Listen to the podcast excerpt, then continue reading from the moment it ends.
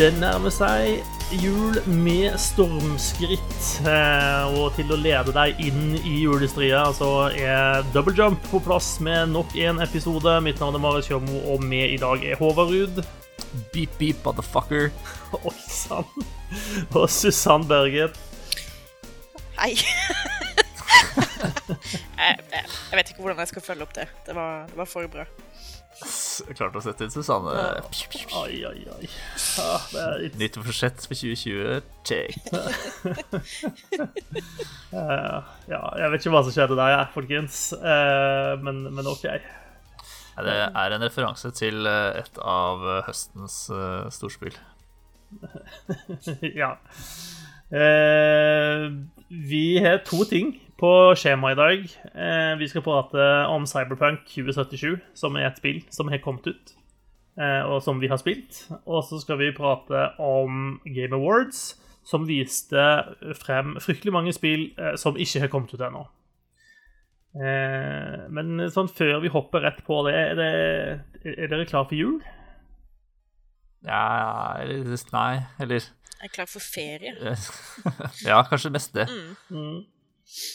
Men uh, jula kan godt eh, utsettes bitte litt til jeg får kjøpt inn alle julegavene.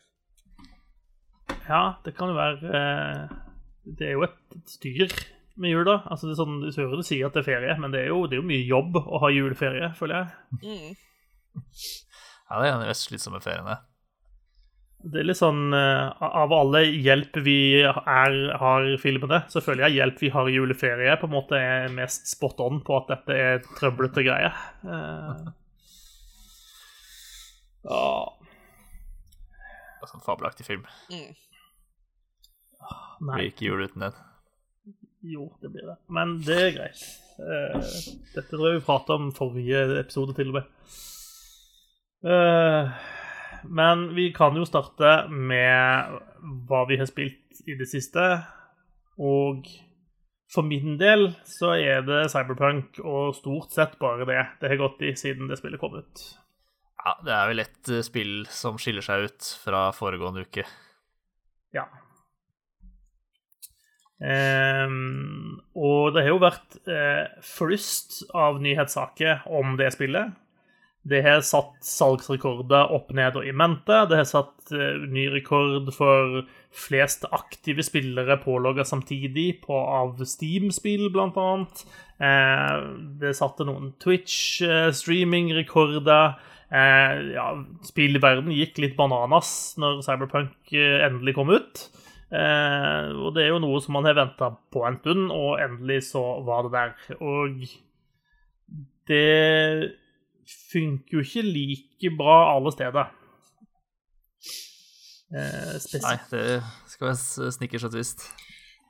Ja, det er ja. kanskje en underdrivelse, ja.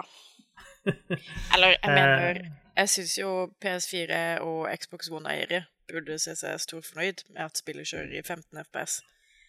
Eh, fortjener du virkelig mer hvis du ikke har skaffa deg en next gen-konsoll?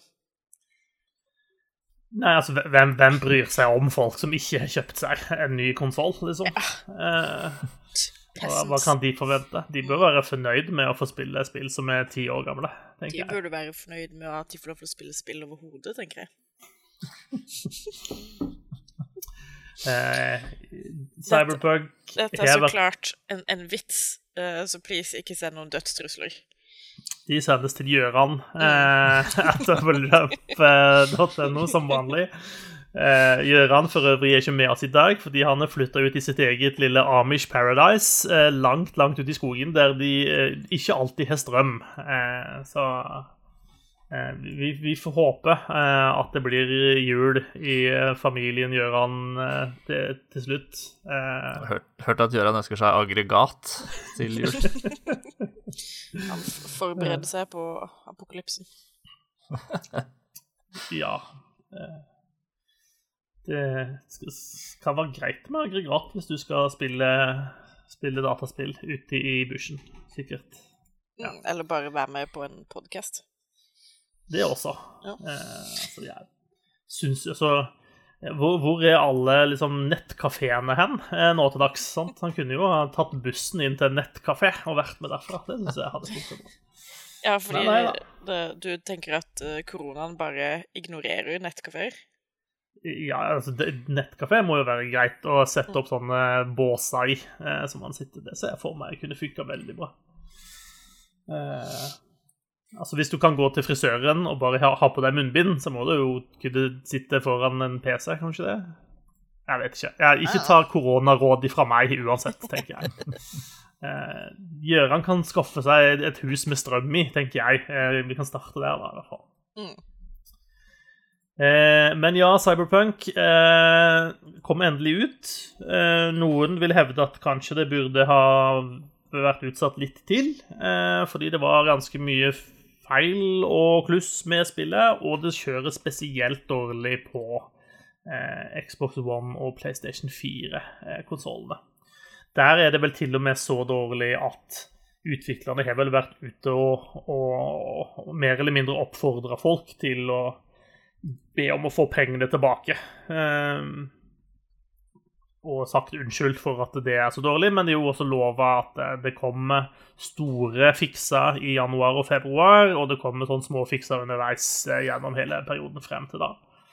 Eh, Men Jeg tenker jo altså, De har sagt at det kommer eh, ganske svære patcher både i januar og i februar, som skal rette opp i eh, de verste bugsene. Og jeg tenker det kanskje betyr at dette spillet burde komme til mars 2021. Mm. Ja, kanskje. Men eh, det er ikke sikkert det hadde solgt like godt om det kom i mars som det de gjør nå. Nei, it sounds like a CD Project Red eh, problem. Ja, ja da. jeg, jeg trodde hele poenget med å lage spill er fordi du, er, du syns det er gøy, og du er lidenskapelig opptatt av det. Ikke for å tjene penger. Det er i hvert fall det ledelsen i CD Project Red forteller til utviklerne sine. Jeg håper å si, Hvem er du, og hvor er den eh, kyniske Susanne som jeg har lært å kjenne? Eh, ja. Eh, økonomisk så ga det nok mening å gi ut spillet nå, og de fikk jo så mye flakk også. altså De utsatte det jo i en, i en liten måned fordi at de så at dette, dette var ikke klart ennå. Da fikk de jo så mye pes for å ha gjort det. Så det er litt sånn der damn if you do, damn if you don't også for eh, CD Projekt Red. Men uansett, nå er spillet i hvert fall ute. Eh, vi har spilt det. Eh, jeg spiller det på Series X. Eh, gjør du det samme, Håvard? Ja, jeg gjør det. Yes. Jeg kjøpte meg en Xbox til eh, 5500 kroner, så bør jeg jaggu bruke den også. Ja, det eh, gir mening, det. Eh, og du, Susanne, du Eh, jeg spiller på kalkulatoren min. Ja. Du har ikke kasta deg på bølgen ennå, rett og slett? Nei, jeg tenker kanskje jeg skal vente til det har kommet et par patches. Uh, Kan, kan være så fornuftig, egentlig-. Jeg kunne Ja. veldig gira på at uh, karakteren min skal ha penisen stikkende utenfor buksa hele tiden. Nei, Jeg, jeg syns jo at det er altfor lite penis i spillet mitt, eh, men det kan vi jo komme tilbake til. Eh, Men, men det er vel en feature, ikke en bug? Vel? ja, jeg vet ikke helt. Um, Fungerende glidelås, eller smekk, det har jeg aldri sett i et spill før. nei, det er for så vidt eh, et godt poeng. eh, Jeg vet ikke hvor fungerende den er hvis den kun er nede, men ja, ja. Nok om det. Det kan jo være et personlig valg, tenker jeg, da. Ja, ja. Det må, det må være greit. I 2077. eh, hvordan syns du spillet kjører på Xboxen din, Håvard? Å starte Eh, der. På Series X så syns jeg det kjører, eh, kjører greit. Mm. Jeg kan si jeg har ikke opplevd noen sånn frame drops og den type ting. Mm. Eh, Så sånn ytelsesmessig så virker det som at For det er jo basically Xbox One-versjonen vi spiller, men på ganske mye kraftigere hardware, da. Og det virker det som eh, den versjonen av spillet har godt av. Ja. Eh, Du kan På Xbox Series X så kan du jo velge mellom en performance mode og en ikke hva den andre heter, quality mode eller noe sånt. Eh, Ja. Den står på performance som, som default, da, og det, det er sikkert smart, tror jeg. ja, det har latt den stå. Ja, det, det tror jeg er fornuftig. Men eh, det er klart man selv om ting ser bra ut og sånn på en Series X, så kan man jo bli litt misunnelig på de som har de hissigste gaming-PC-ene, fordi der ser det jo enda mer sexy ut, da. Det er det ikke noe tvil om. Nei, absolutt ikke. Uh, det er ikke sånn altså, Rent av uh, grafikken og sånn, så blåses jeg jo ikke av banen av den versjonen jeg sitter og, og spiller på. Det er litt sånn stive fjes og og sånt, men jeg er jo den oppfattelsen at grafikk er jo faktisk ikke det viktigste, så lenge spillet er gøy å spille. Syns du spillet er gøy å spille, Håvard? Uh, har, det har jo klaget min nød i vår lille interne chat. Um, ja, at, det ikke, at de ikke har hatt det så gøy. Um, ja, Det kan du jo si sånn ut ifra Basert bare på de tilbakemeldingene der, så høres det ut som om du har det helt grusomt når du spiller Cyberpunk, og det er det dårligste spillet som er kommet ut i år. ja. Um, jeg, jeg, kan avsløre at det har vokst på meg etter at jeg kom gjennom uh, prologen. Mm. Uh, da, synes, da, begynte historien å ta en uh, en litt mer tydelig retning. Mm. og er mye mer engasjerende sånn med en gang. Um, men jeg tror liksom hovedproblemet mitt var at dette spillet er så overveldende, da. Det er så forbanna mye som skjer, og spillet er ikke nødvendigvis kjempeflinke til å forklare hva som skjer, uh, heller. Um, altså I prologen så havna jeg i et oppdrag hvor Eller, det gjorde vi vel alle. Um, I et av oppdragene der så havna man i en uh, skuddveksling uh, hvor man Hvor jeg liksom ble hacka, og jeg skjønte ingenting, og uh, Så jeg måtte liksom google meg fram til da, hva som egentlig skjedde, og hvordan jeg kunne deale med det. Og det viste at jeg jo hacka gjennom et kamera. Um, og en ting som er litt kult, er jo at vi som spillere kan hacke ting og mennesker gjennom kamera.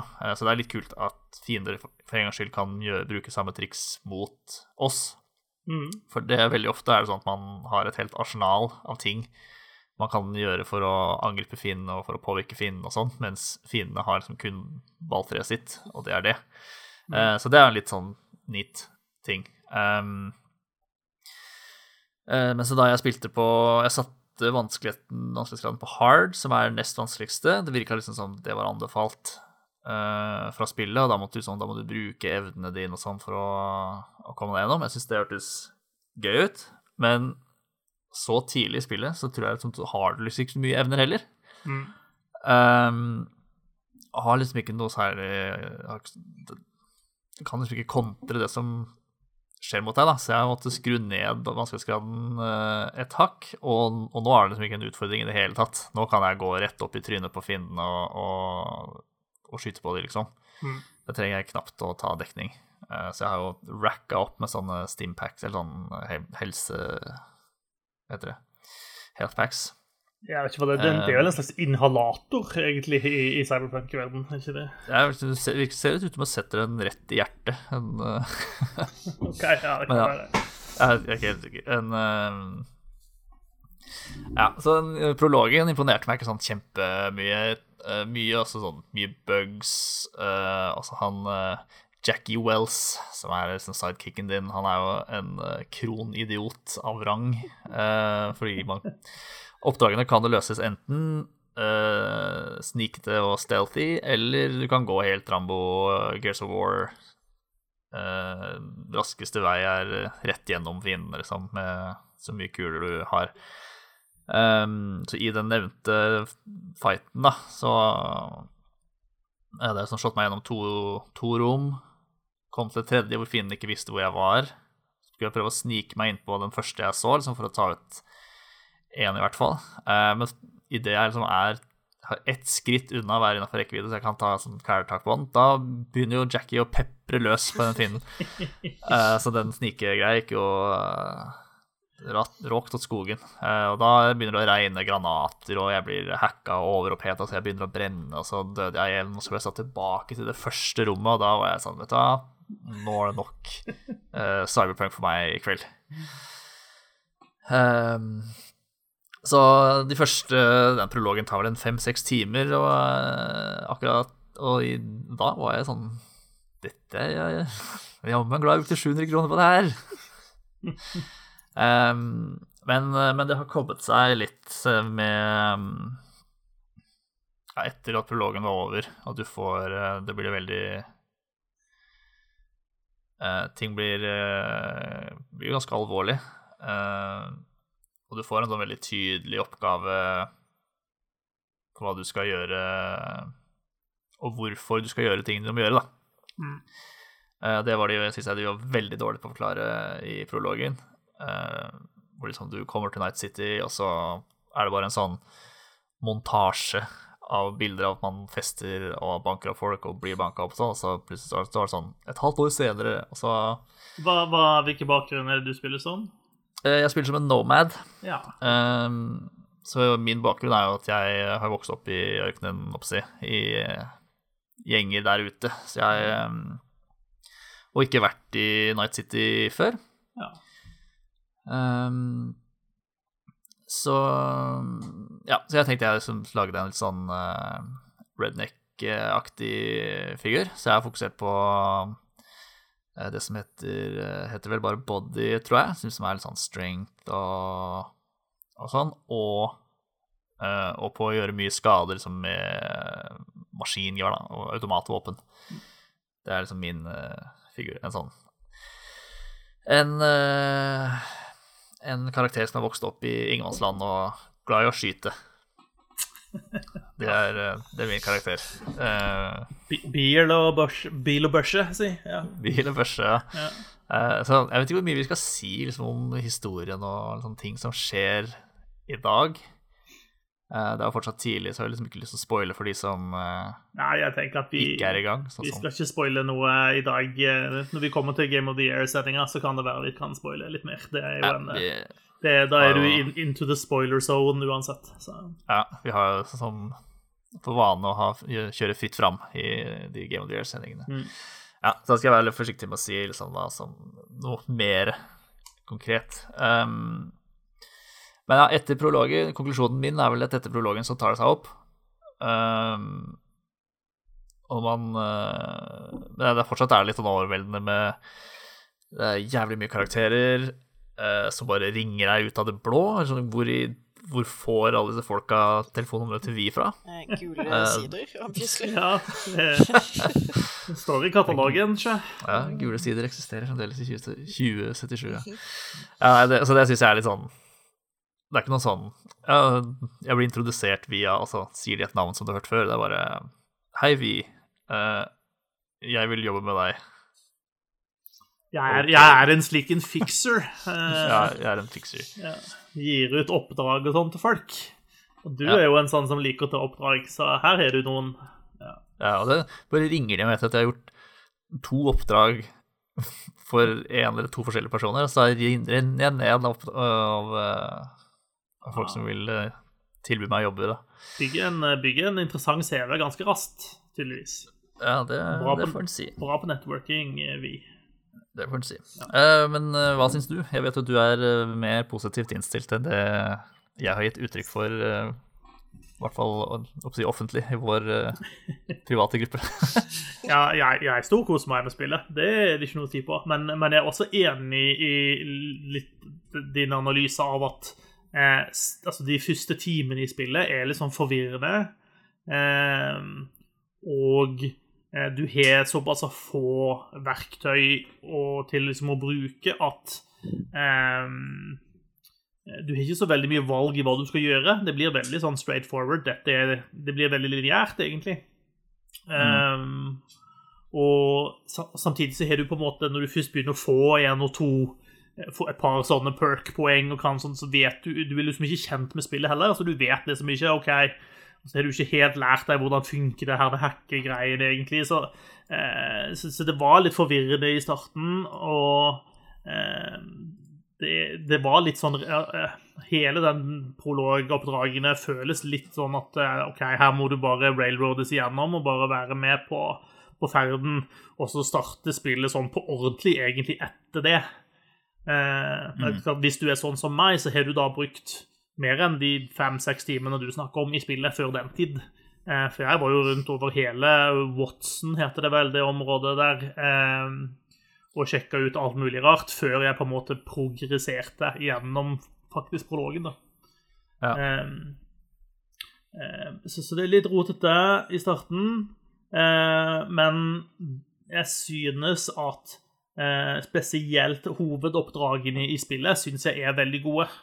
Eh, jeg synes de er flinke til eh, å gjøre meg investert i det som skjer, og i liksom, de andre karakterene som er rundt i spillet. Eh, ikke gud og hvermann, selvfølgelig, av disse random folkene som ringer og vil gi deg jobb, men eh, de som på en måte er involvert i, i hvert fall i hovedquestene, eh, de syns jeg er ganske kule og ganske forseggjort. Eh, Mm. Så sitter jeg med en litt sånn følelse av at jeg er litt sånn Folket snakka om at eh, hovedkampanjen er litt kort og sånn, så jeg er litt redd for at det liksom er for få av de, da. Det vil jo tiden vise.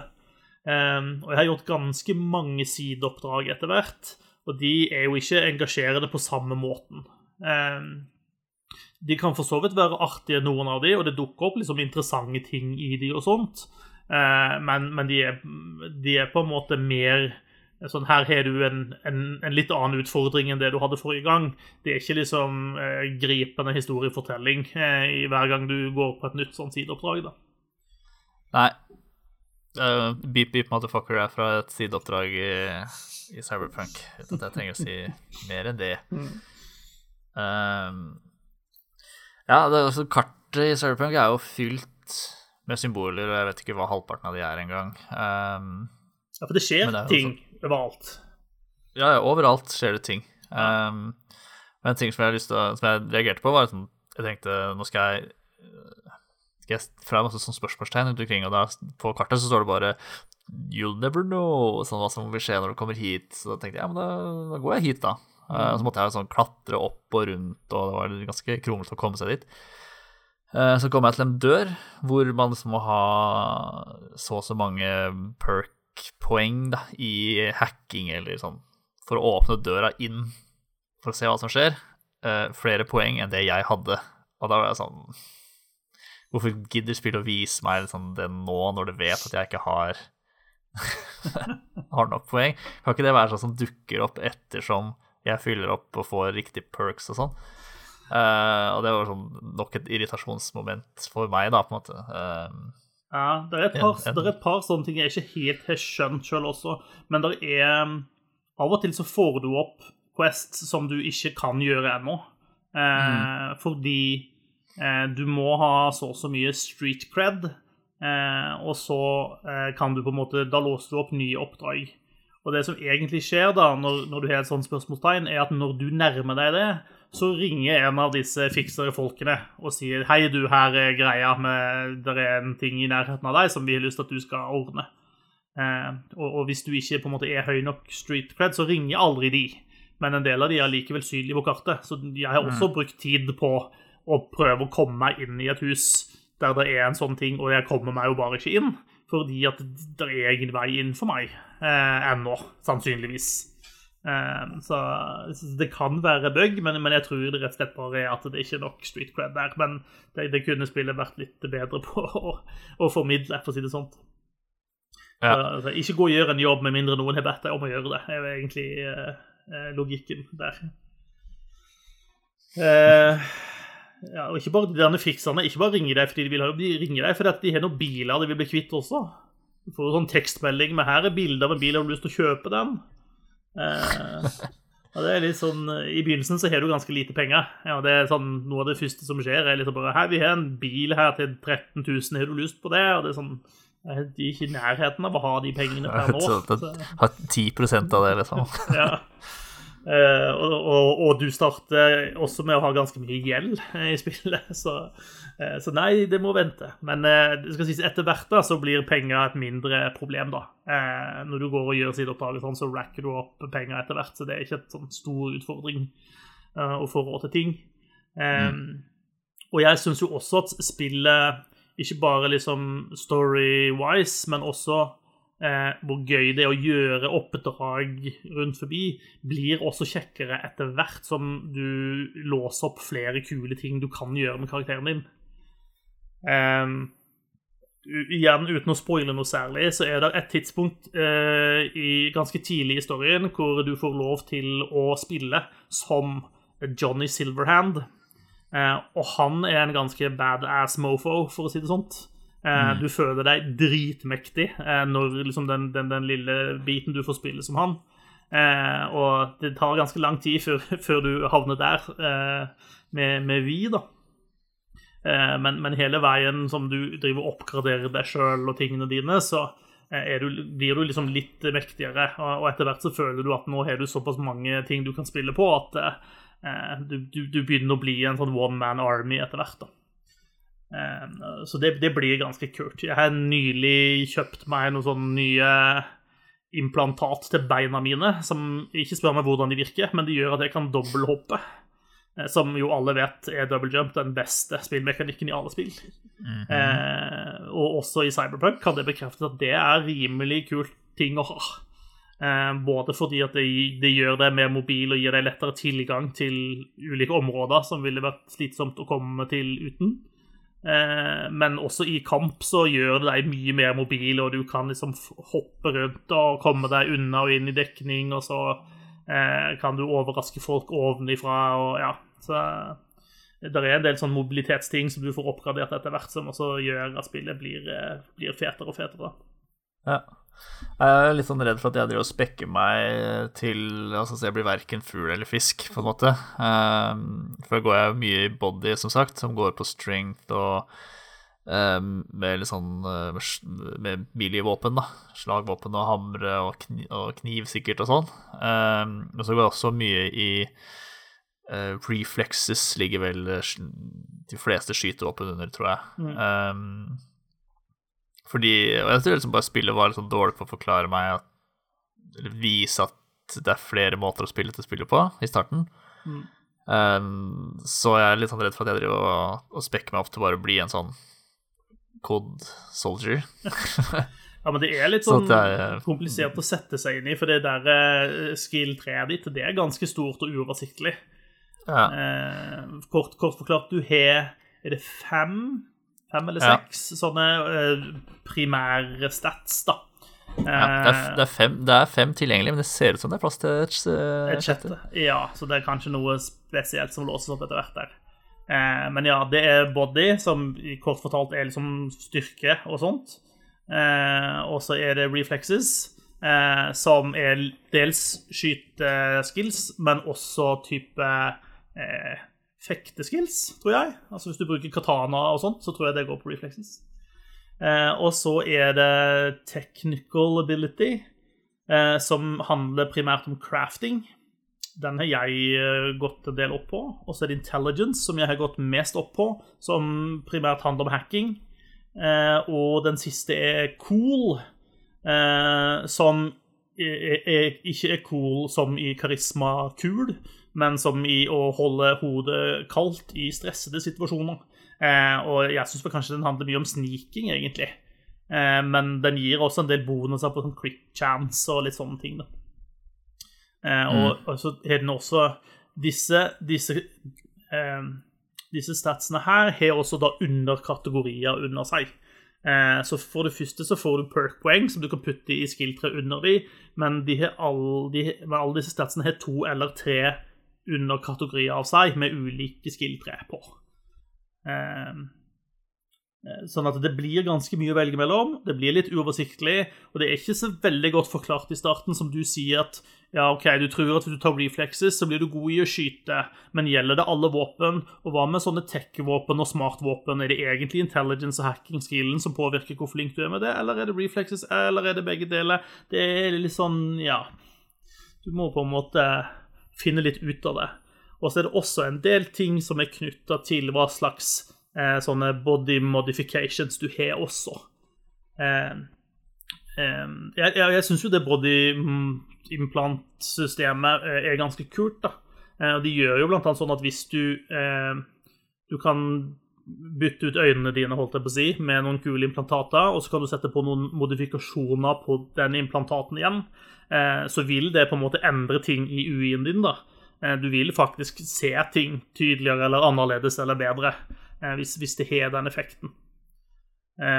Og det er en implantater på armene dine som gjør at du blir mer kompatibel med smartvåpen, f.eks. Og som dermed gjør at hvis du har truffet noen med smartvåpen én gang, så vil det smartvåpenet da automatisk kunne klare å finne det targetet igjen, osv. Sånn.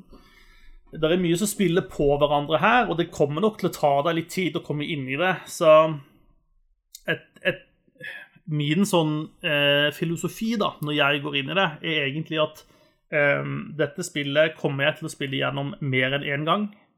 Eh, så første gang jeg spiller gjennom det, blir litt sånn utforsking å finne ut av hvordan funker dette, og hva er det som er gøy. Og så lager jeg en spekk som jeg tenker at dette tror jeg jeg kommer til å synes er gøy og artig. Og så kommer jeg til å være mer fokusert og sannsynligvis gjøre noe litt annet neste gang jeg spiller gjennom. Eh, det, er min way in i dette her, i hvert fall. Jeg er enig. Uh, og mye som tyder på det blir en slags, sånn, blir en slags tank denne gangen. Uh, men så har jeg jo egentlig lyst til å spille og være mer stealthy. Uh, mm. Så det kan hende det blir en sånn hacker-stealthy person neste gang, da, som jeg allerede har begynt å se for meg. Ja, for spillet åpner ganske godt for stealth-måten å løse ting på, syns jeg. Eh, så lenge du på en måte er uoppdaga, så er det liksom godt tillagt for at du skal kunne snike deg rundt, og du skal kunne ta ut folk uten at du blir oppdaga. Du kan gjemme likene, så ikke de andre skurkene som labber rundt der, finner de. Eh, du kan bruke hackingene dine til å lage små sånne eh, Altså hvis veien du skal på, er blokkert av en vakt, f.eks., så kan du hacke en TV som står i nærheten sånn at den plutselig begynner å stå og skurre, så går han vakten bort og sjekker den, og så kan du snike deg forbi eller snike deg bort og ta den ut. Altså, Det er mange sånne ting inni der da, som er ganske kult. Så eh, snike gameplay syns jeg absolutt er anbefalt også i Cyberpunk. da. Det er ikke bare å meie folk ned med hagle, selv om det kan være ganske gøy å tilfredsstille det også. Ja da, eh, sniking er jo jeg, jeg sniker jo alltid opp og sier når jeg får, egentlig har muligheten i, i slike spill, men uh, jeg tror bare noe, hele den opplevelsen fra fra prologen, hvor jeg følte meg så, så liten og sped at jeg har gått opp i uh, i body og at jeg kan forsvare meg sjøl, at jeg kan uh, stand the fight. Mm. Um, og så er sånn, Det er jo en del ting du ikke på en måte merker ordentlig første gangen du spiller spillet. Og det er jo litt sånn Hvor stor forskjell gjør det? Eh, F.eks. at du spiller som Nomad og jeg spiller som Corpo. Eh, hvor stor forskjell gjør det at du har høy body mens jeg har høy intelligence, f.eks.? For, mm. eh, for det dukker jo ofte opp liksom eh, samtalealternativer Eh, som du ser at denne kan du, kan du, si fordi du har høy sånn, eller du har den bakgrunnen. Og så ser du noen ganger at oh, hvis du hadde hatt litt høyere i den skillen, så kunne du sagt noe annet. Eh, og det er også, som du sier, en del steder hvor det, du trenger eh, du trenger en annen skill for å åpne en dør eller åpne et vindu eller en sånn ting.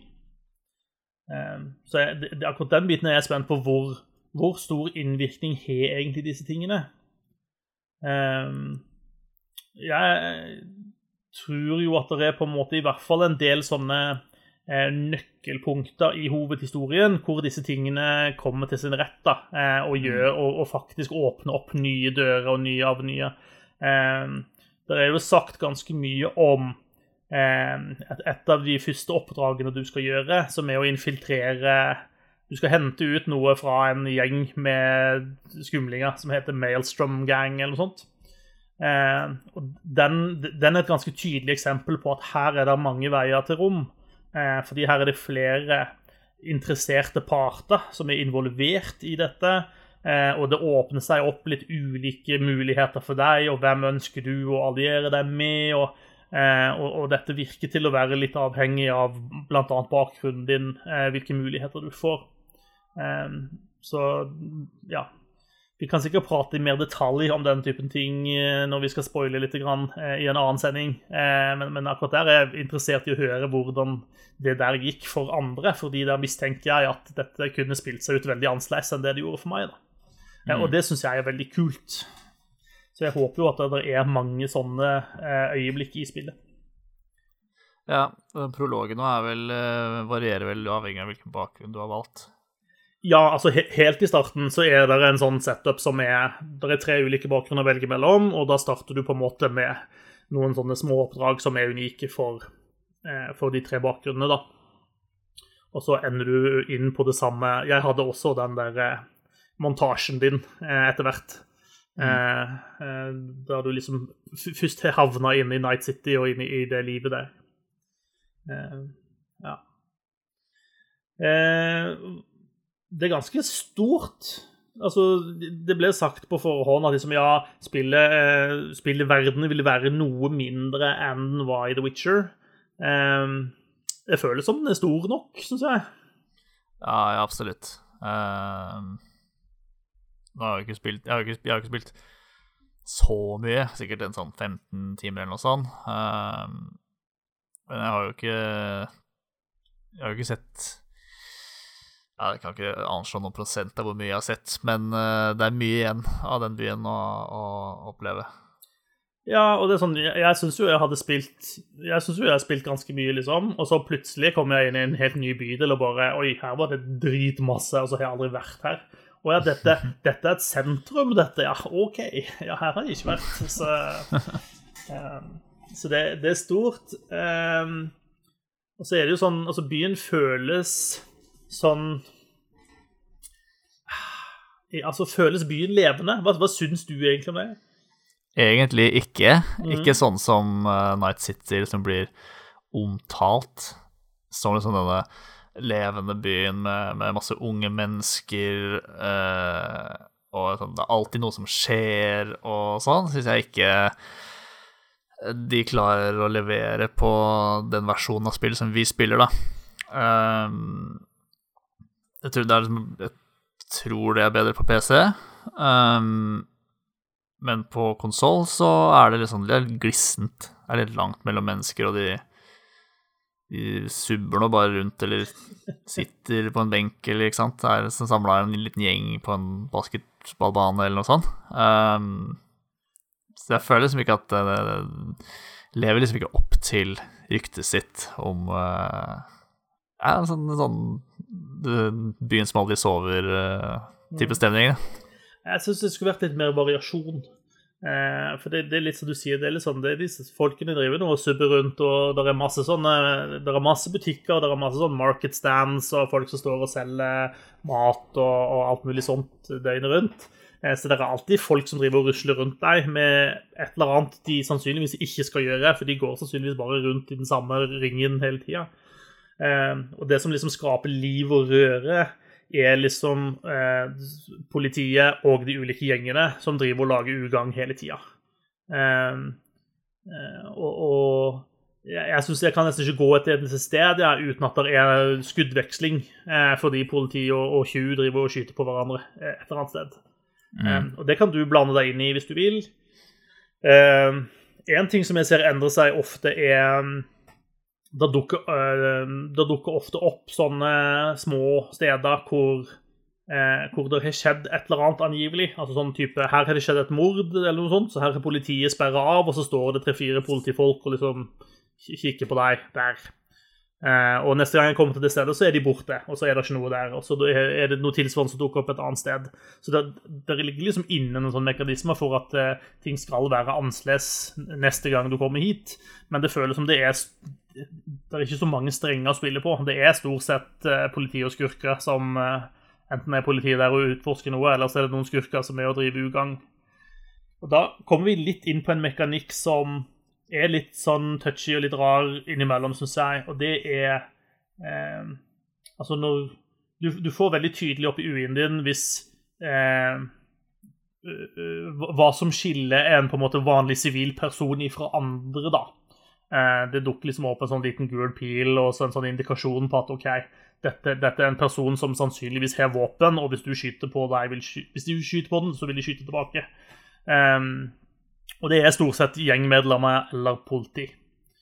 Uh, og jeg synes liksom, ganske ofte så er det sånn Hvis du bare litt, går litt for nært de, på en måte, så begynner de å synes at dette er mistenksomt. Og det kunne de jo kanskje gjort på en måte, men sånn sjøl politiet er sånn de går liksom ikke bort til deg og liksom bare 'Hei, du, eh, vi holder på å etterforske her. Kan du være så snill å gå vekk herfra?' Eh, det er sånn, du, de, du, ser denne, Det er en sånn bar som går alt etter hvor mye de legger merke til deg. Du ser det som den går opp, og når de da først har lagt merke til deg, så er det liksom bare 'Alle ned på bakken. Nå er det ild. Skyt, skyt, skyt.' Altså, det er sånn Eh, og det er sånn, jeg, jeg, skulle jo bare gå forbi her fordi jeg skulle bort og kjøpe liksom, noe hos han bøttehattselgeren borte på hjørnet her. Så jeg syns det der er det Der er det noe som skurrer lite grann. Eh, de, eh, og det, det, er også veldig mange gjengmedlemmer som syns det er veldig ugreit at du eksisterer i nærheten av dem. Eh, ja. Selv om du bare går forbi. Så det er litt sånn pussig. Ja, de, de er hissige, de. Mm. Hva mer skal man si eh, om spillet? Det, det, er jo mange kule våpen i spillet. Eh, etter hvert kan du drive og skyte raketter ut av armen din og sånn også, eh, hvis du har pengene til å betale for kule mods. Eh, eh der er mange triste skjebner i spillet. Og det er litt sånn de har markedsført spillet på en veldig sånn De har hatt en veldig sånn, litt sånn edgy eh, markedsføringskampanje for spillet. Eh, og de har jo liksom presentert Night City som et sånn sted uten noen moralske skrupler, og her er det sex, drugs and rock'n'roll eh, hele veien. Um, og eh, jeg synes Eh, for det første så syns jeg ikke at spillet 100% lever opp til den markedsføringen, på en måte. da. Altså, spill, Spillet er ikke så forferdelig edgy, syns jeg. Ja da, de har noen dildoreklamer innimellom, liksom, men det, det, gjør ikke noe så fryktelig edgy i min verden. Um, men det er noen, noen ganger så går de ganske dark, da. Um, det gjør de. Um, og det kan være interessant, syns jeg, uh, at de gjør. Eh, men eh, ja, det, det, er noe med den der eh, edgelord-greia som, som, rett og slett ikke altså, Som er der i marketing, men den er rett og slett ikke i spillet på samme måte. og, og, og hvis, du skal, hvis, du absolutt vil at du skal være edgy, da, så måtte det jo gått mye lenger enn det de gjør. altså Spillet har seks scener, f.eks. De er ganske tamme, altså. Eh, og de er ganske harde med å sensurere ting over hele fjøla. Så Hvis det ikke er noe eh, ikke så... ordentlig sexy ennå, så gidder jeg ikke å spille det. eh, nei, altså det, det, er litt sånn no, Noen Jeg har sett et par sexscener så langt i spillet. Eh, og noen er bare sånn basically eh, Altså, jeg eh, Eh, tilbrakte en aften med en eh, gledespike, eh, fordi jeg måtte jo sjekke hvordan det gikk for seg, åpenbart. For, for, science. For research, yes. um, og det, det, var kjempetamt. Altså, det var, det var liksom Mass Effect-tamt, liksom. Det var bare implied hva som foregikk der. Um, og så er det en annen scene i en sånn flashback som du spiller gjennom, der er det på en måte litt mer action, og der er det sånn beint ut eh, kvinnelig nakenhet. Eh, i, men eh, hvis Det er noen rare ting her er liksom, Det virker som folk er litt uenige om det er bugs eller hva som gjør det. Men eh, når jeg går inn i menysystemet og kikker på min karakter, så kan jeg velge hva den karakteren skal ha på seg, og jeg kan også kle av den. Så i menysystemet så kan jeg være splitter naken hvis jeg vil. Men når jeg går og kikker meg i speilet, eller jeg kikker ned på meg sjøl i spillverden, eller det er en cutscene som setter min karakter i ba et badekar, så har altså vedkommende på seg en uh, boxershorts uansett hva jeg gjør. Det er ganske rart. Når jeg liksom klikker på menyen, så ser jeg ja, dinglende penis, og så klikker jeg ut av menyen, og nei, der hadde jeg på meg bokser. Eh, og den, den skjønner jeg ikke helt hvorfor er sånn. Og det er, en, det er noen som har ment at dette egentlig er en bygd, at det ikke skal være sånn. Eh, for de har lagd bl.a. en sånn eh, streaming-modus til spillet, eh, som skal gjøre at du kan spille spille Cyberpunk på Twitch uten å bli ban bannlyst og sånt. Og den skal annet kutte ut lisensiert musikk og sånne ting, men sikkert sensurere de tingene som Twitch ikke liker. Uh, og at det er noe med den som gjør det, men det er også de som mener at dette er bevisstgjort. Bl.a. blant annet fordi spillet inneholder jo barn. ikke veldig mange av de har jeg sett, men det er noen som driver og rusler rundt. Og det kan jo tenkes at noen syns det er ugreit at du skal gå og dingle med stellet ditt oppi liksom ansiktet på bare digitale barn som løper rundt forbi. Eh, så, jeg vet ikke hva som er greia der, men det, føl, det føles uh, uedgy, en del av det, i hvert fall. Uh, det ja. Oddsen er vel lav uh, for at det er en, en bug. Ja, kanskje. det, er, det er nok av bugs etter spillet. Det er det det er noe bugs. Eh, så det kan godt være at det, ikke var ment å være sånn. Eh, men, men, det er visst sånn på tvers av versjoner, da. Jeg har sett PC-spillere har akkurat samme. Men så er det også en, en bug i buggen som kan fikse det igjen. Jeg har også sett. Altså, du, kan, du kan glitche av deg denne på, pålagte trusa di hvis du ikke vil ha den der, faktisk. Eh, så da kan du eh, for du, kan, du, ser jo veldig sjelden din egen karakter, med mindre du går ut i uh, den fotomodusen. Så hvis du vil ha nakenbilde av deg sjøl, så må du liksom glitche av deg buksene med en sånn glitch uh, som ligger der inne. Så det er visstnok mulig, har jeg lest på internett. uh, Yes. Nei, jeg uh, All said and done, jeg har det veldig gøy med spillet. Jeg syns det er kjempeartig å utforske de liksom, ulike mulighetene som ligger der. De ulike måtene å løse ting på. Um, jeg syns det er kult å liksom, prøve å finne de sånn snikete veiene for å komme seg rundt vakta og inn. Uh, en del oppdrag gir deg bonuser dersom du klarer å gjøre det uten å bli oppdaga. Det syns jeg er veldig gøy. Så Eh, så jeg koser meg. Det gjør jeg. Ja det, det vokser på meg. Uh, men uh, man kommer litt Altså, i, i bunnen her så virker det som det ligger et ganske solid uh, rollespill. Um, men dette er jo ikke et ferdig produkt. I hvert fall ikke på konsoll. Det eh, det er rett og slett uh, oser liksom venstrehåndsarbeid, da. No offense til venstrehendte. Um, det er uh, slett arbeid. Uh, de har liksom oversett en en ganske stor chunk av brukermassen sin. Um, så det fortjener uh, eh, CD Project Red absolutt smekk på lanken for. Uh, så uh, Gamer har en sånn har en gjennomgang med hvordan man kan fikse mange av de grove feilene sjøl, og der kaller de det et teknisk mageplask. Og det syns jeg kanskje er en sånn god, god beskrivelse av det, i hvert fall Altså, og de, dette, de, den artikkelen handler om PC-versjonen. Um, og konsollversjonen er enda verre. Um, og det er masse sånn figurer som står i sånn T-pose og ting som svever i lufta og det er sånn hva, hva er de rareste tingene du har sett i spillet? Uh, jeg så ei dame som sto i T-pose med beina gjennom en benk. Det har jeg sett. Ja, og vet du hva? Uh, jeg, jeg, så akkurat den samme dama. Ja. uh, og det som faktisk var hilarious, var at når jeg gikk bort til vedkommende, så sa vedkommende noe sånn som Please help me, eller noe sånt. Så jeg begynte nesten på å lure på Er det, det meningen at du skal stå sånn. Hva? Ja, nei, det var veldig Ellers så var det et oppdrag hvor uh, jeg hadde skutt meg rundt uh, sånn Tømt et rom for fiender, da. Uh, skulle sånn rømme via en heis. Så tror jeg det var meninga at det skulle komme en stor og skummel fyr med masse sånn SWAT-utstyr og sånn, masse padding og store våpen og sånn ut av den heisen.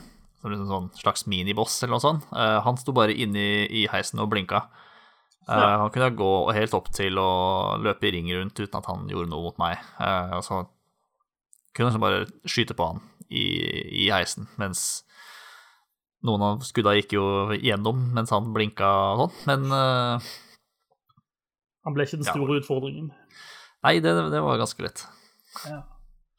Hatt, det er vel de eh, verste, tror jeg. Uh, også litt sånn uh, folk som kaster fra seg en, en sigarett Eller sånn, ikke en, jo, en sigarettsneip, og så blir den bare svevende i lufta. Sånn, så det ser rart ut.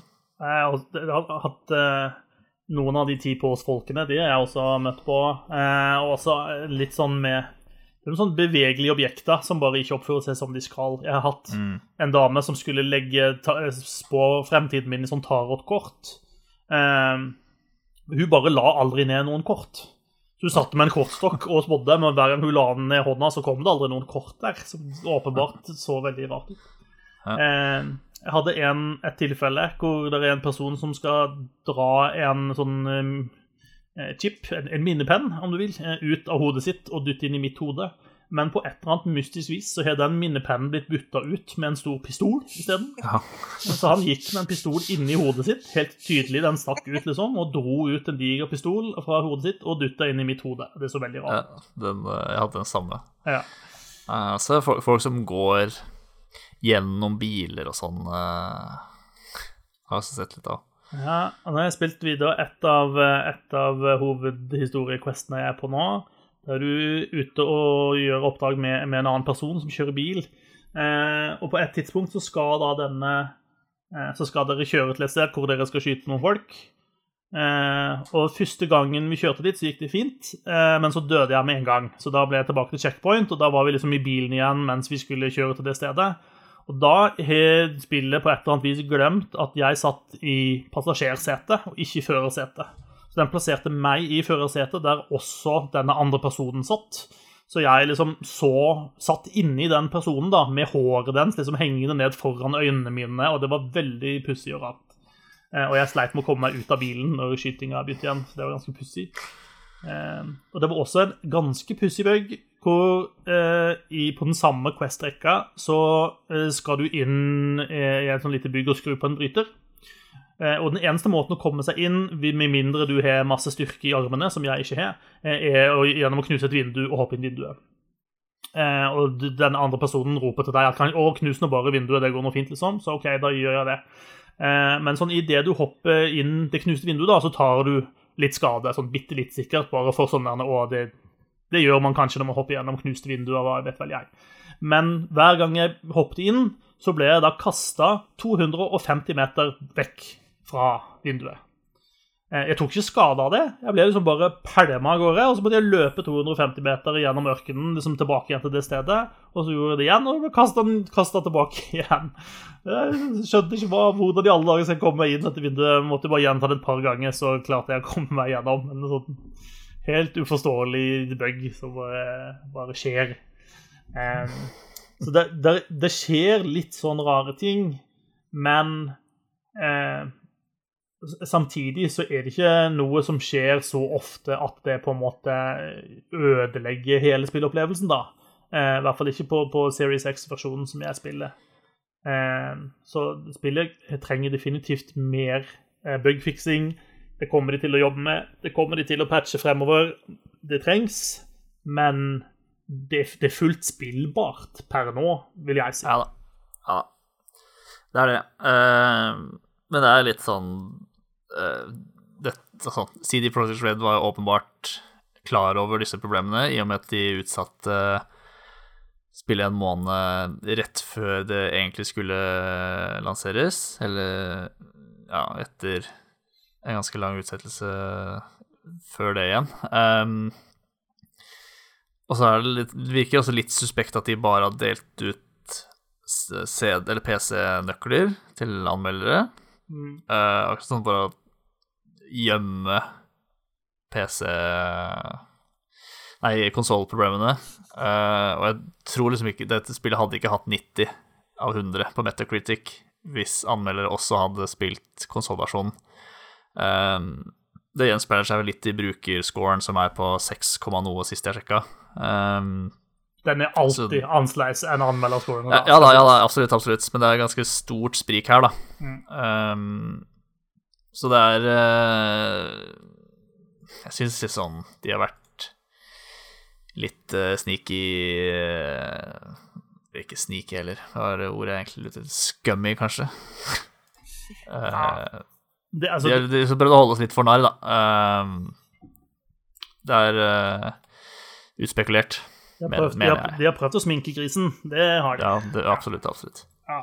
Det er for så vidt ikke så uvanlig at når de gir et review code, så ønsker de at du skal spille det på den beste hardwaren, sånn at uh, det ser best ut og flottest ut. Det, det, det er ikke nytt, sånn sett. Nei da, det kan jeg også forstå. Det er bare uh, de aller fleste kommer til å spille på konsoll, eh, tipper jeg. Uh, og det er uh, ikke riktig at de skal få et, uh, et så skjevt inntrykk fra anmeldelsene. Fair, fair, fair det, syns jeg. Skal vi ja, det, det, blir sikkert bra til slutt. Det, det, det satser vi på. Uh, jeg lurer på om vi skal ta og la Cyberpunk være Cyberpunk eh, nå. Vi kommer eh, desidert tilbake igjen til det spillet eh, ved senere anledning.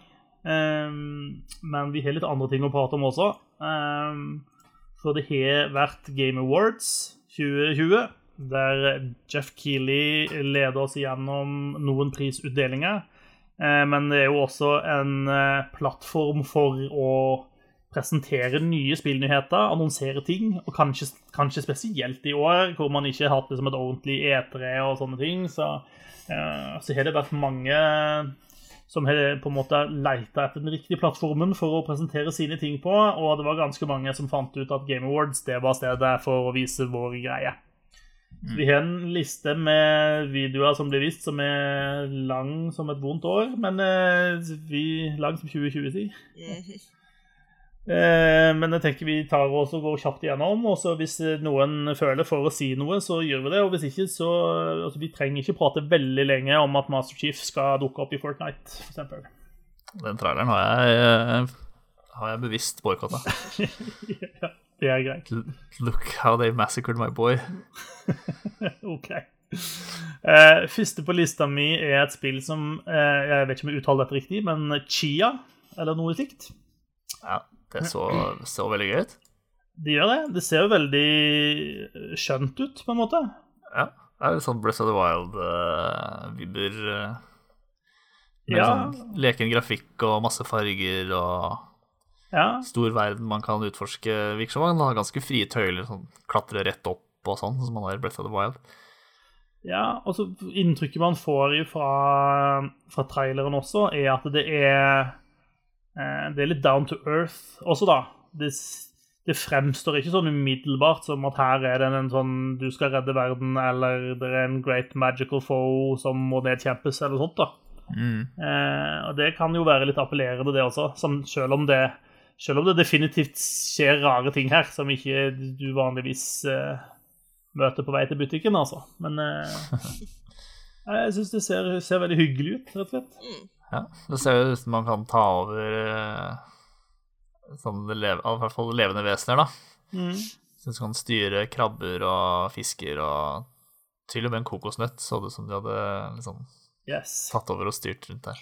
Kokosnøttsimulator. Skjønner ikke helt hva det skal være godt for, sånn egentlig.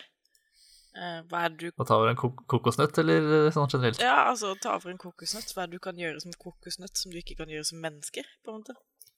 Du kan rulle på stranda. ja Altså Litt avhengig av hvor stiv du er i kroppen, så kan du sikkert rulle på stranda, du også.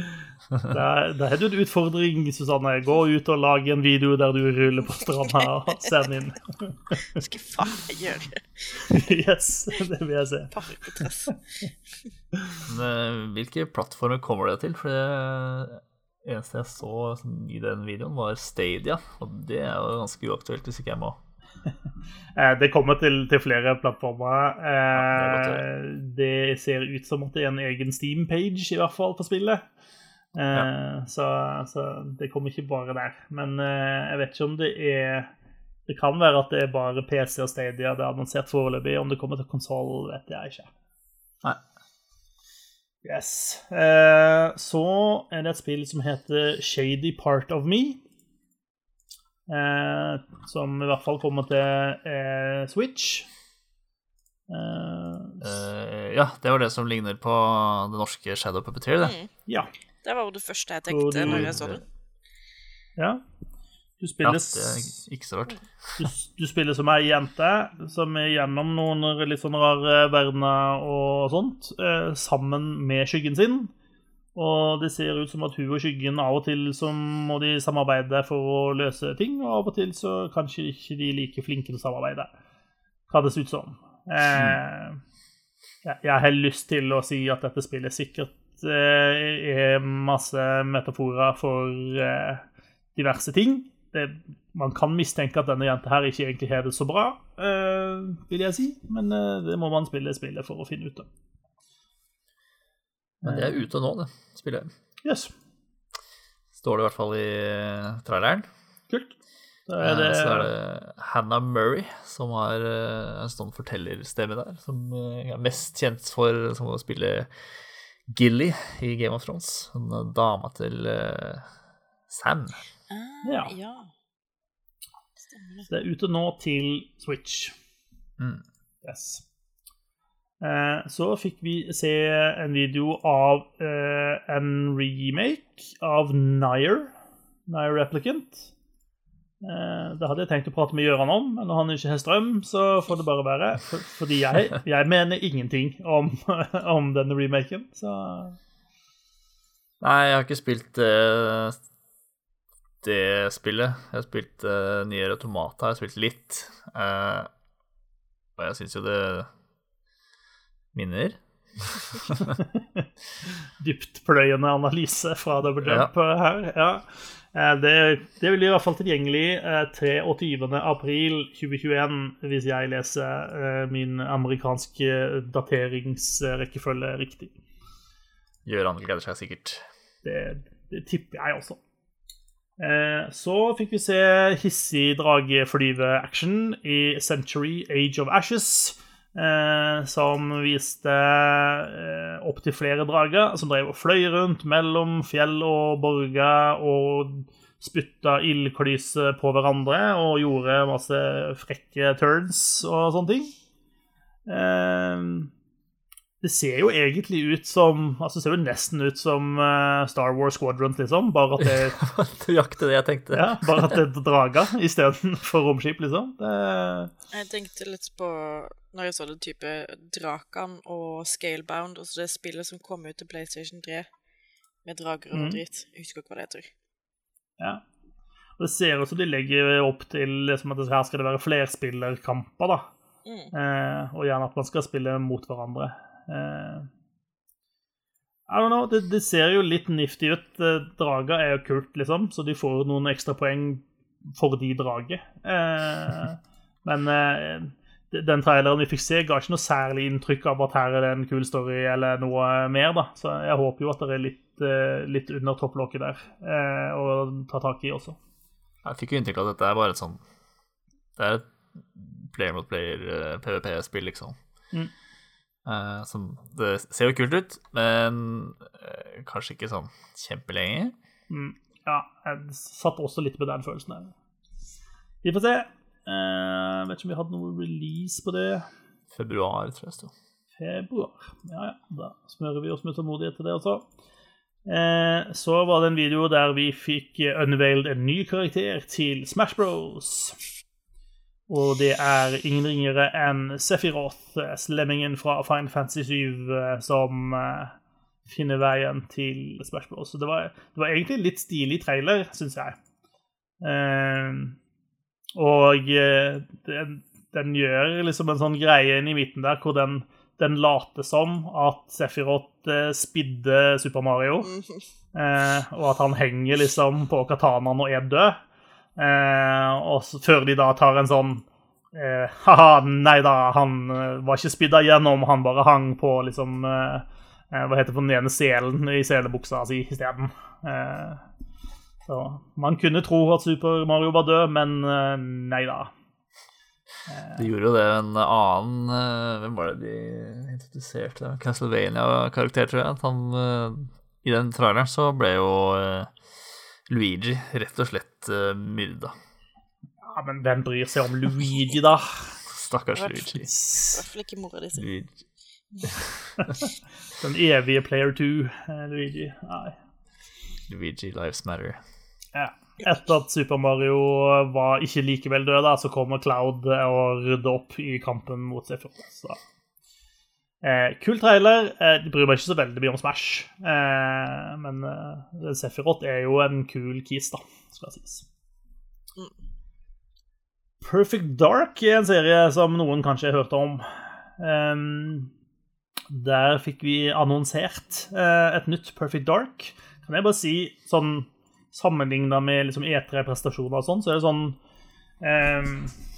Når Jeff Keeley kommer og sier oh, uh, and we have a world premiere uh, så Det er ikke den samme klungen, klingen liksom, som på, på, eh, på E3. Når, på Microsoft-inn så er det sånn mørk mannsstemme. Sånn, world premiere uh, foran, foran alle trailerne. og sånt. Det mangler liksom noe gravitas der. så det, Der har du noe å jobbe med, Jeff Keeley. Bare, bare, bare si det. Mm. Eh, men ja, vi fikk eh, et, eh, noen glimt av et nytt Perfect Dark-spill. Se ut som det skal være en slags ja, nytolkning. De har fått, fått litt frie tøyler til å lage, lage Perfect Dark. Ja, jeg må si jeg, jeg håper jo at spillet ikke skal hete det. Jeg liker jo ikke den trenden med at alle spill som er i en serie, bare får navnet på den serien. på riktig igjen. Eh, det syns jeg er fryktelig slitsomt. Altså, jeg har Ja. ikke noe forhold til Perfect Dark overhodet, men jeg syns den traileren virka himla kul. Mm. Så liksom gir, gira. Ja. Fikk til og med se noen pyramider og greier mot eh, slutten, så det kan jo være spennende. Eh, en annen world premiere eh, var Nei, jeg får ikke til den. Jeg skal hands up. Jeg, det er ikke meg du skal leie inn, Jeff Keeley, for, eh, for den stemmen. Det er det ikke. Eh, Back for Blood ble vist frem for første gang. Eh, det blir eh, er vel lett å sette en sånn sammenligning med Left for Dead-spillene.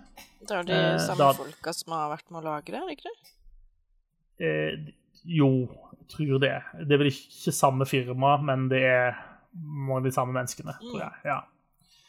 Eh, og det er fire personer som skal må samarbeide for å ta ned en mengde zombier.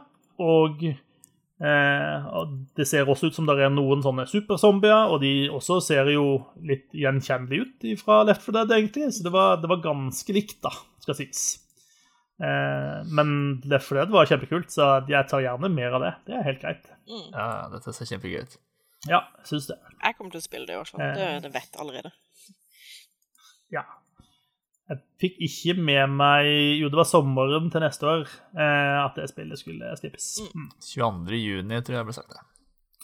Ja. Det høres bra ut. Eh, så ble det vist frem et spill som heter for Calisto Protocol. Det så jævlig kult ut, men er mest sannsynlig så skummelt at jeg ikke tør å spille det. Ja. Det er en av de tidligere Dead Space-folkene, Glenn Schofield, som eh, står bak dette spillet, som er satt til PubG-universet av en eller annen grunn. What? Ja. Ja, OK, da ble det Eh. plutselig hakket mindre interessant. Men, men det er litt det, for det sånn det, det ser ikke ut til å ha veldig mye med PubG å gjøre. Det er bare satt i det samme universet. Eh, oppe på en romstasjon eller en rombase eller sånt. Så det ser ikke ut, jeg tror ikke det har så veldig mye med hverandre å gjøre, men det er kanskje noe law eller et eller annet der som, som spiller på hverandre. Jeg vet ikke. Men ja, det så creepy ut. Eh, det, det gjorde det. Det var noen ekle skapninger inni der som eh, Ja, Dead Space var ganske creepy på sitt beste, i hvert fall. Eh, det var det. Eh, men eh, Callisto Protocol er et stykke unna ennå. Det har foreløpig bare en 2022-release date, så det er noe å holde øynene med fremover. Mm. Vi fikk en gameplay-trailer for Warhammer 40.000 Darktide. Um, Også sånn Left 4 Dead-aktig ut. Ja, litt. Det er sånn, Jeg lurer på om det er opptil tre spillere, er det ikke det? Nei, det er kanskje opptil fire. ja. Det var fire stykker i Ja. den traileren. i hvert fall. Ja, Du er flinkere å telle enn jeg Håvard. Eh, Det er riktig mange opptil fire. Eh, og litt mer sci-fi enn en Left 4 Dead, men eh, det ser ut til å være samme konseptet. Eh, og når de heter Dark Tide, så er det vel sikkert en slags kobling til Vermintide-spillet. Eh, som vel også er i det universet der, er det ikke det? Eh, bare at det er sånn magiting og sånt. Men også et veldig sånn Left 4 Dead-klon. Så det kan være artig. Jeg har aldri klart å sette meg inn i Warhammer-universet ordentlig, men jeg har en kompis som vil veldig gjerne at jeg skal det, så kanskje jeg blir konvertert ved tiden. Vi får se. Um, så var det en fin eh, liten trailer for et spill som heter Open Roads. Ja. Som er det neste spillet fra Gone Home-skaperne. Eh, og den er ganske søt. Den Det er ei jente med mora si, tror jeg, som er på biltur. Eh, og hun driver og blar i ei eh, eh, Ja, hva kaller det? En scrapbook? En notatbok, noe sånt. Eh, og ja Vi får følge historien der de skal ut og, og eh, oppdage familiens hemmeligheter, hva enn det betyr. Eh, men eh, kjenner vi de eh, folkene rett, så klarer de helt sikkert å lage en eh, engasjerende fortelling ut av det, tenker jeg. Så det, Mm, altså, det kan nok bli veldig interessant. det så jo veldig, veldig pent ut. Mm. Så jeg gleder meg masse til å spille det. Yes. Eh, det ble annonsert en final cut av Disco Elysium. Eh, og for øvrig, hvis man er ute etter noen som har en sånn mørk, dyp eh, world premiere-stemme, eh, så kan de lytte til han som har stemmen i, den traileren, for han har tatt litt for mye Møller Strand. Eh, det, blir, det er nesten sånn parodisk eh, mørk trailerstemme på, på han som prater den. Eh, men Disko Disco Elysium har inntil nå ikke fått noe nytt innhold i spillet. Eh, de har gitt ut masse patcher og oversatt spillet til eh, 3030 språk, eller noe sånt. Eh, men, eh, men det har ikke kommet noe nytt innhold, men det kommer nå da til eh, denne final cut-versjonen. Eh, så det blir jo litt spennende å endelig få noen nye Quest og litt sånne ting inni der, men det kommer nok ikke til å på en måte endre eh, på en måte total, altså historien i spillet, da. Eh, men det kommer til å bli mer av eh, den, det rare og merkelige universet å utforske. Eh, og det, det tror jeg blir kult, iallfall. Gleder jeg meg til.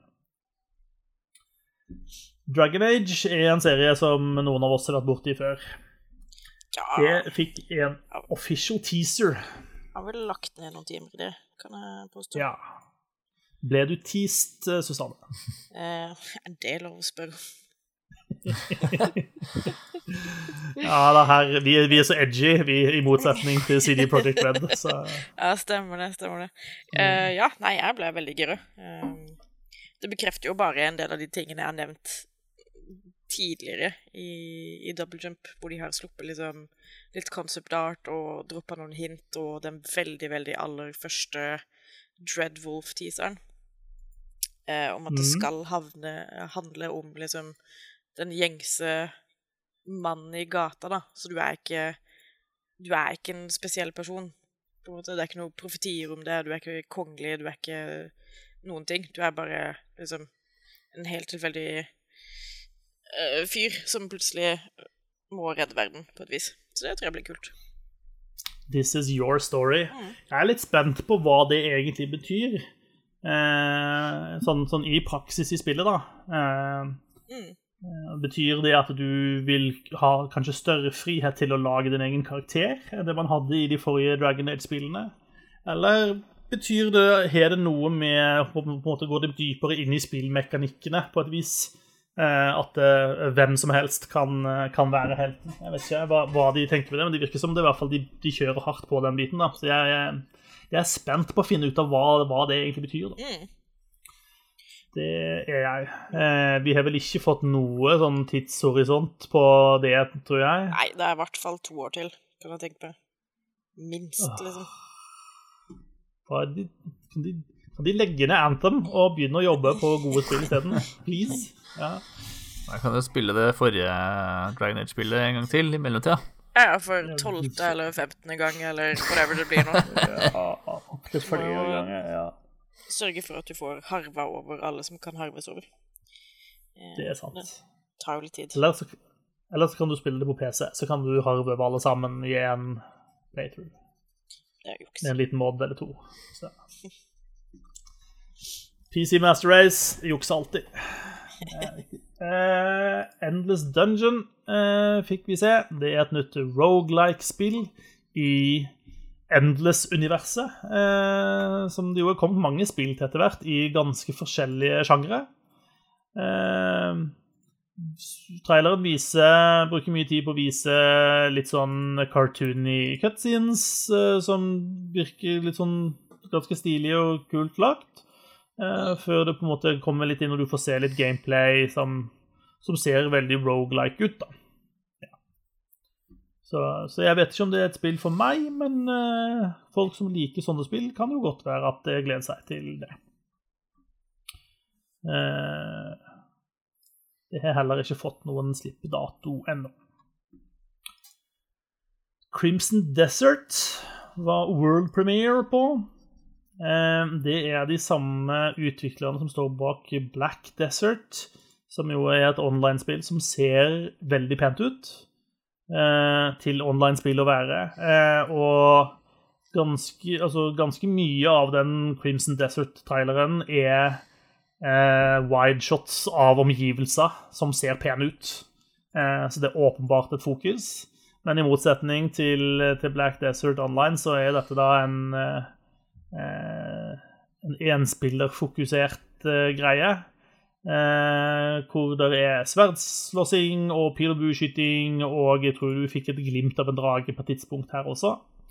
Eh, og det er åpenbart at det skjer noen eh, magisk slash mystiske ting inni her også. Eh, jeg syns det ser ganske kult ut, egentlig. Jeg syns fightinga ser eh, spennende ut. Um, så dette er jeg eh, litt intrigued på, for å se hvor, eh, hvor kult det blir.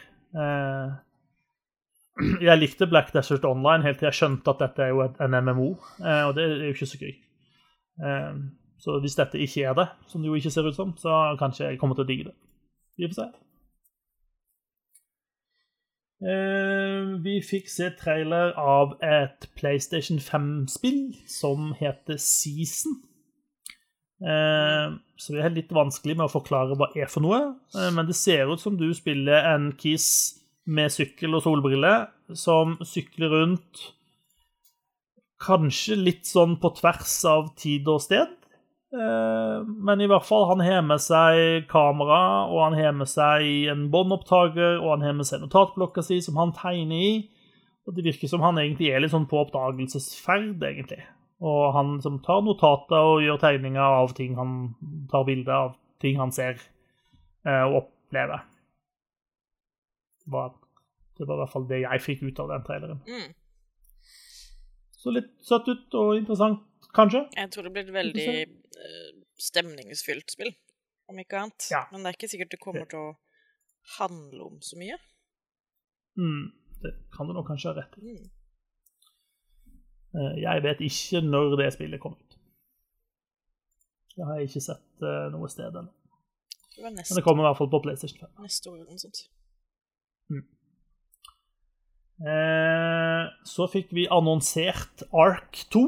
Eh, og med Vin Diesel i kanskje en hovedrolle, i hvert fall i en rolle.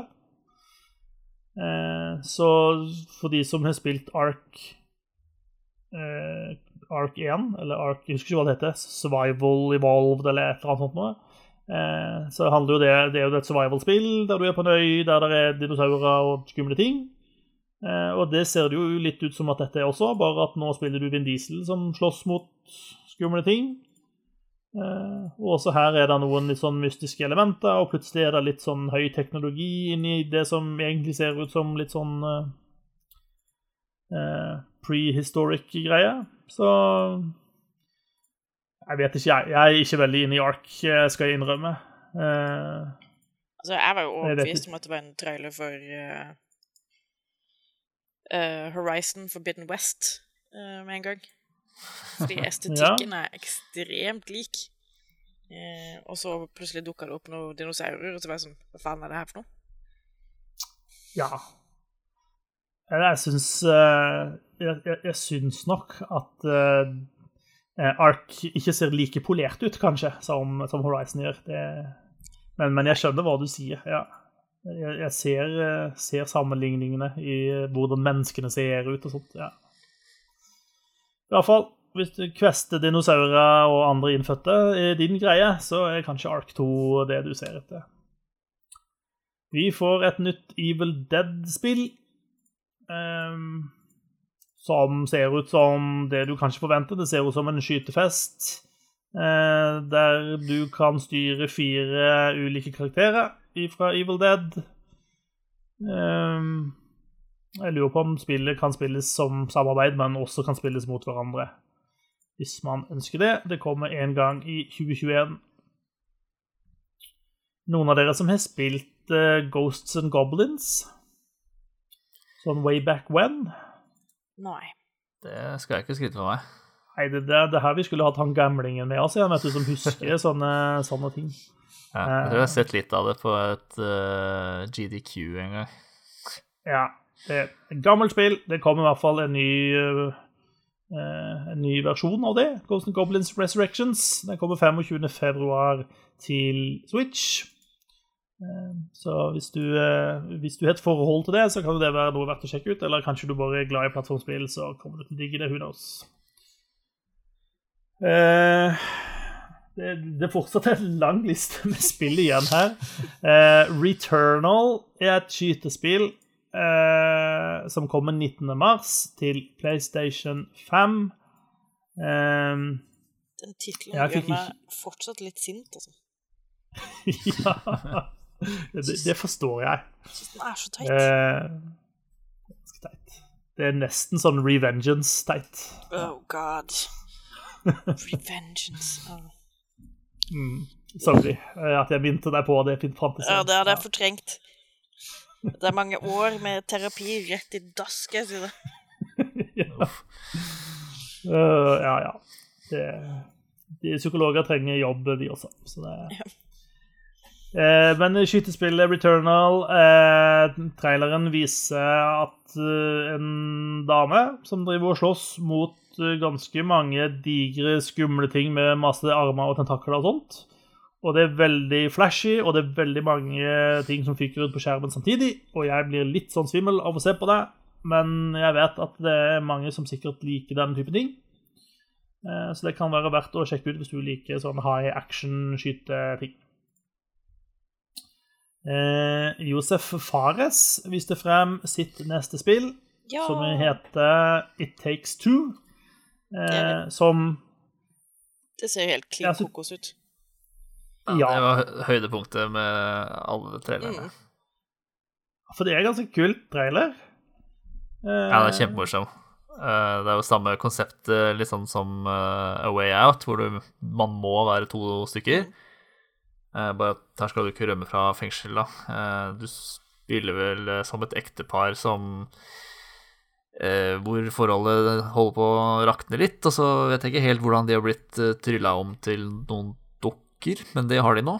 Eh, og må liksom lære seg å samarbeide og Ja, du blir liksom sendt ut på eventyr, liksom. Altså, det er litt, er litt sånn eventyrfølelse over det hele. Og så, så sier sikkert dette noe om forholdet deres og sånn og sånt. Og ja, det, er- det, det er på en måte parterapi, eh, egentlig, spillet. Bare gjennom, gjennom eventyr.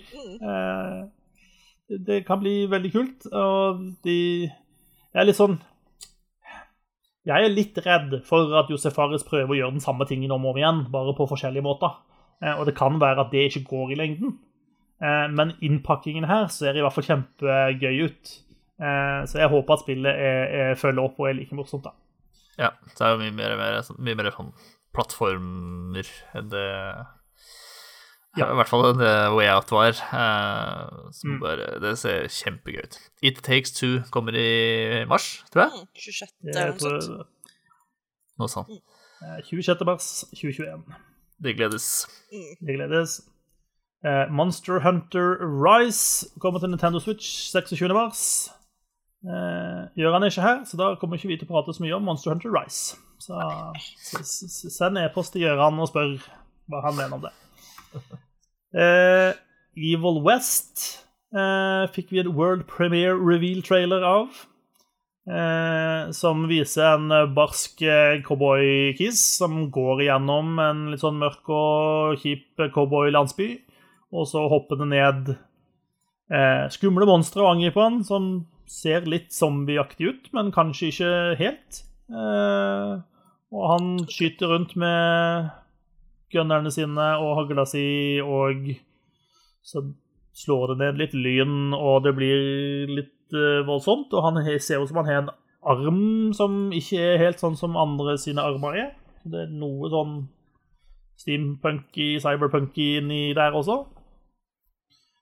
Eh, ser ut som kul stemning i traileren, men eh, hvordan akkurat spillet blir, det vet vi ikke ennå.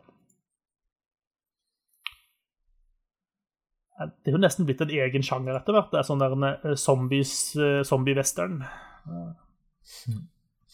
Så var det Master Chief i Fortnite, ja. Sier vi ikke noe om. Eh, vi har et spill som heter Ruined King, a League of Legends story. Jeg vet ikke om noen av dere har en sånn fortid som ekstremt opptatt av League of Legends, jeg.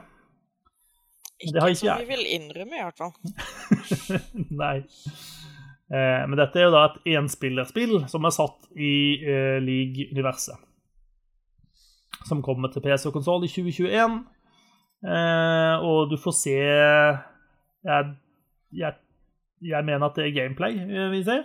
Eh, det ser ut som om det er litt sånn eh, Håper å si eh, gammeldags eh, la Final Fantasy 7-type ting. Du kan bevege deg litt rundt på et eh, kart, og så plutselig dukker det opp fiender, og så går du inn i en slags turbasert kampmodus og, og slåss mot fiender. Eh, og det er helt sikkert eh, kjente karakterer for de som er inne i League-universet, vil jeg tro. 2021 der, altså. Mass Effect er en serie vi har hørt om, ikke sant? Ja, jeg har vel lagt ned noen timer. Et par timer Ja, i det universet. Jeg tror jeg har, jeg har flere timer der enn i Dragon Age, faktisk. Det tror jeg. Eh, vi fikk se eh, at det er et helt nytt Mass Effect-spill på vei. Mm. Eh, og hvis det vi fikk fra Dragon Age var en teaser-trailer, så er i hvert fall dette teasete. Eh, Mm. for dette er, en, dette er en trailer som egentlig viser veldig lite, men hvor det samtidig er ganske mange svært subtile hint som fans liksom er ment til å skulle sitte og trekke ut og spekulere i, og eh, ting som kan bety veldig mye, uten å egentlig si noe som helst. Mm. Yes. Men eh, det virker til å være enighet i miljøet om at det ansiktet vi får se, faktisk tilhører Liara til Sony, Mm. som vi har sett før. Definitivt. Folk har, folk har analysert fregnene hennes og funnet ut at det må være henne.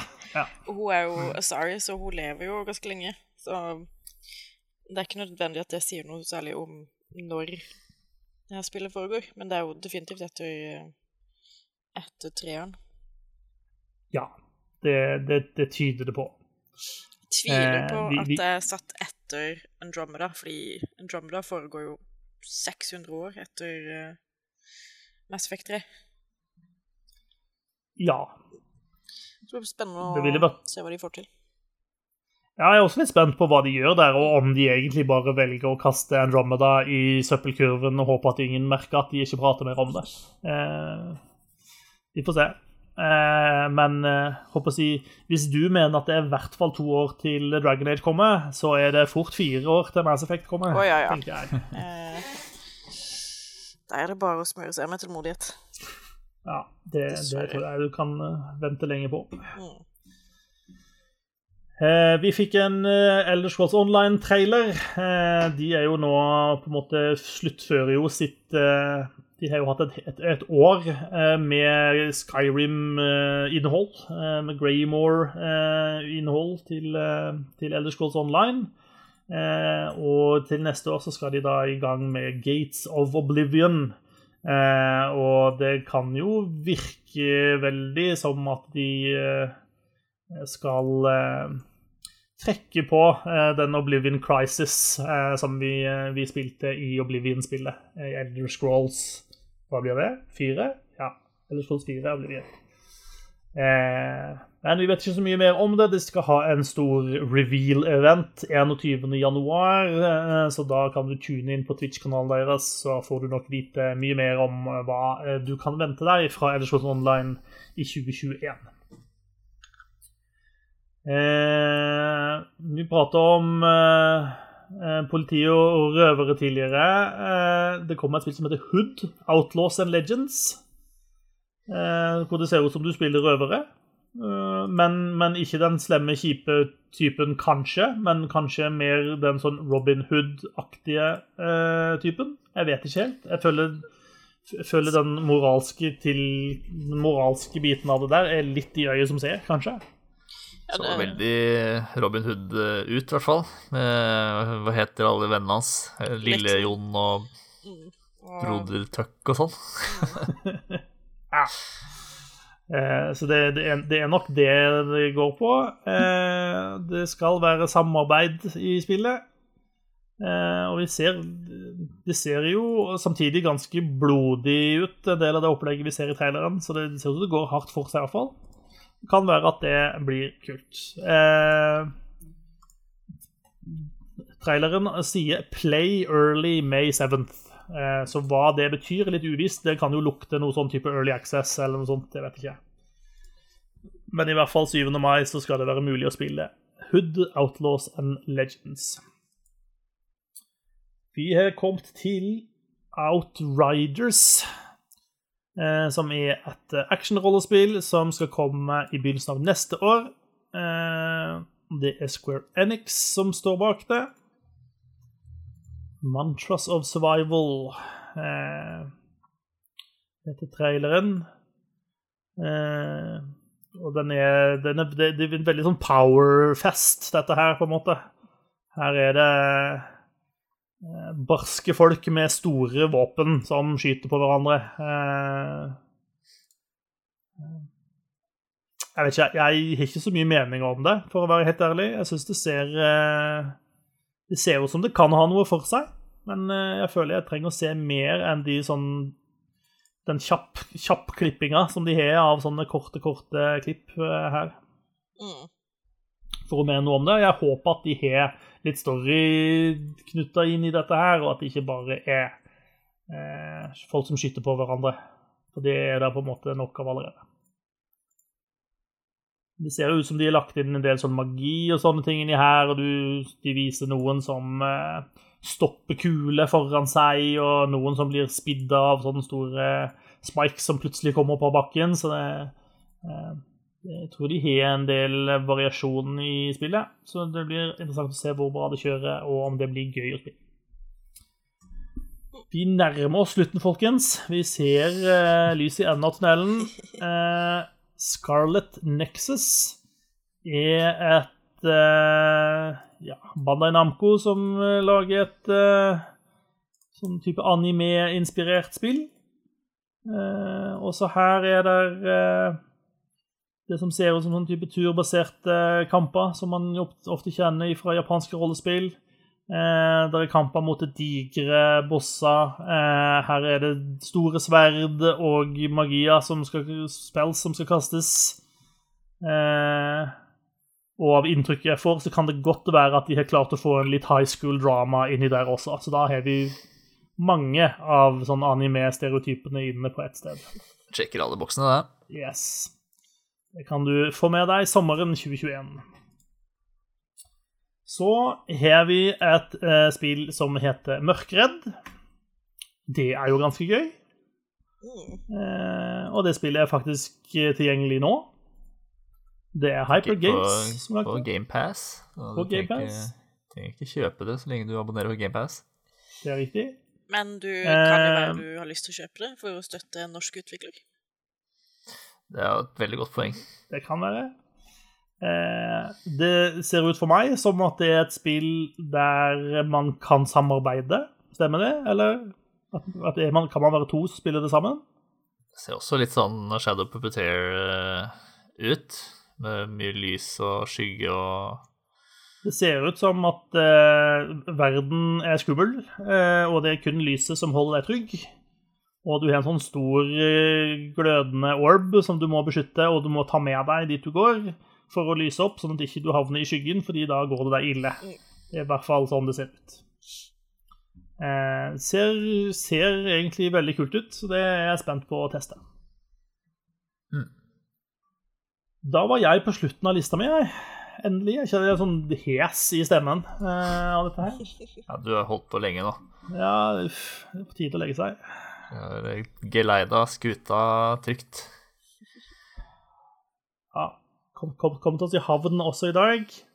Nærmer vi oss eh, Game of the Year-sendinga. Da skal vi få flere dager med mye preik. Eh, så vi får eh, drikke mye julebrus frem til da, så vi er klar, tenker jeg. Det er noe julebrus å få tak i, da. Uh, Er det ikke masse Er julebrus som har blitt kalt tilbake fordi tuten knuser når du sutter på den? holdt jeg på å si? Ja, hvor, hvor, hvor, disse, det, var, det var produksjonsfeil på sånn 13 av eh, 13 millioner flasker. Eh, Men det er umulig å vite hvem som er hvem, så de måtte kalle tilbake alle sammen. kan kjøpes på plastflaske fortsatt, da. Ja. I hvert fall, i hvert fall noen av de produktene. Ja. Godt mulig, men eh, det er veldig mye brus som er trukket tilbake som de ikke rekker å lage på nytt. Så det kan være at butikken din går tom. Så vern om julebrusen din hvis det er viktig for deg. for å si det sånn. Uh, yes. Eh, vi tror jeg går mot eh, enden på dagens sending. Eh, vi kommer til å prate mer om Cyberpunk fremover, det er jeg ganske sikker på. Og mange av spillene vi har pratet om her i dag, kommer vi til å komme nærmere inn på etter hvert som årene går.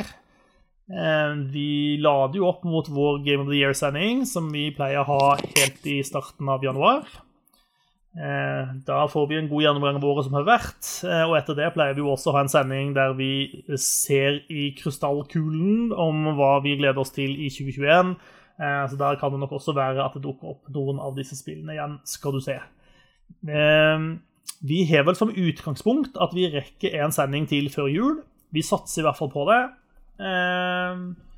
Eh, Så du får eh, være med oss om en eh, liten ukes tid. Så kanskje vi får være med deg helt inn i julefeiringa. Eh, Så inntil da så må du kjøre forsiktig, ikke bli overkjørt av ville folk på jakt etter julegaveshopping. Eh, Og husk å spise marsipangris og kose deg litt i mellomtida også. Eh, takk for at du hørte på, og hei så lenge. Ha det, da. Ha det bra.